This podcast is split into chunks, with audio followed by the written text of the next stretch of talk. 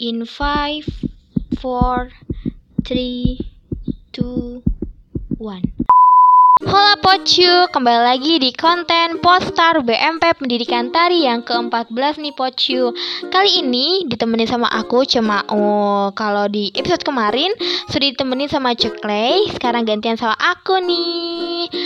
Nah, di episode kali ini eh, kira-kira kita mau bahas tentang apa ya Pocu? Pocu di rumah ada yang bisa nebak kah? Hmm, langsung aja nih aku spill. Kita mau bahas tentang mengejar cita-cita. Poci di rumah pasti di, dari kecil udah punya cita-cita dong.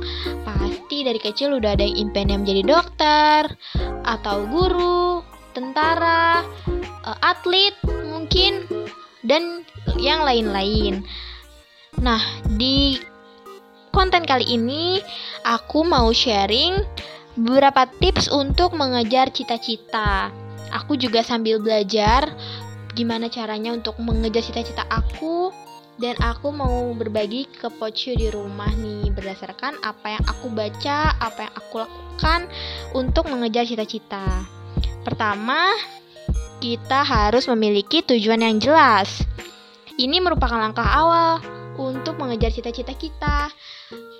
Tujuan yang jelas misalnya kayak keinginan kita, goals kita. Misalnya lima tahun ke depan ingin menjadi apa, misalnya ingin menjadi guru kah, ingin menjadi dokter, dan sebagainya.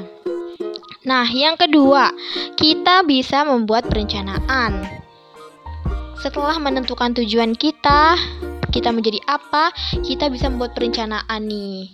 Misalnya melakukan hal-hal yang berprogres untuk mengejar cita-cita kita. Kalau aku pengen menjadi penari misalnya nih Pocio, aku harus melakukan perencanaan. Aku mengikuti sanggar, aku melakukan latihan, aku mengikuti mengikuti event-event yang aku bisa tampil di sana, terus ikuti lomba-lomba dan sebagainya. Nah, uh, Pocu di rumah aku mau sharing ber se satu cerita di mana ini cerita bisa menginspirasi kita. Jadi aku pernah baca artikel uh, ada seorang ilmuwan bernama Jack Ma.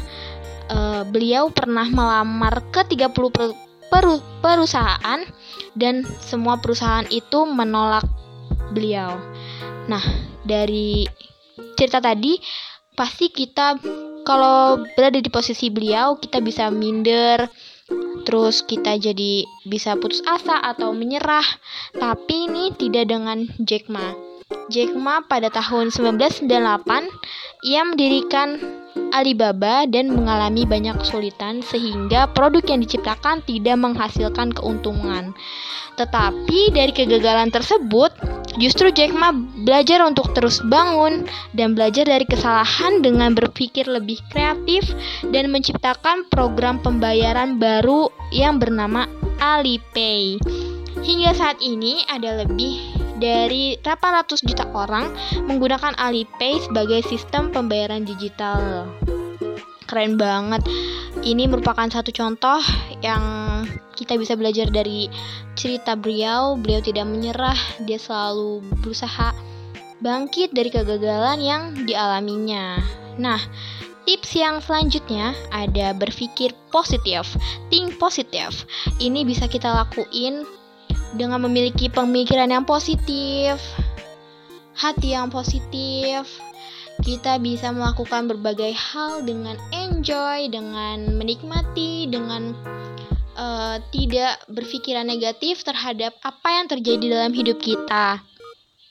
Pasti di setiap proses ada downnya, ada nangisnya, ada kesulitannya, dan tidak semua hal yang berjalan di dunia ini kan sesuai kemampuan kita ya Pocu. Jadi berpikir positif sangat diperlukan untuk kita mengejar tujuan, mengejar apa yang kita inginkan supaya kita selalu mengambil hikmah dari dari hal yang kita alami. Jadi uh, kita selalu berpikir jernih, kita selalu mengambil sisi positif, dan pastinya ini membuat kita tidak mudah menyerah dan terus bangkit. Nah, yang terakhir ada percaya diri. Kita harus percaya diri Pocio terhadap kemampuan dan apa yang kita punya yang sudah diberikan Tuhan, kekurangan dan kelebihan. Kita harus tetap percaya diri karena setiap manusia punya kekurangan, setiap manusia punya kelebihannya masing-masing. Setiap manusia pun ada porsinya masing-masing. Kita tidak perlu membandingkan apa yang kita punya dengan apa yang orang lain punya. Karena or yang orang lain punya belum tentu belum tentu kita punya, yang kita punya belum tentu orang lain punya. Kita harus tetap percaya diri, tetap berproses dengan diri sendiri, berproses dengan baik, lakukan yang terbaik, lakukan dengan maksimal. Semua pasti ada hasilnya dengan usaha yang kita punya, dengan usaha yang kita lakukan. Semua pasti berbuah di hari kemudian. Tidak boleh menyerah, selalu semangat. Hidup adalah games hidup adalah uh, hidup adalah sementara tidak perlu di ya tidak perlu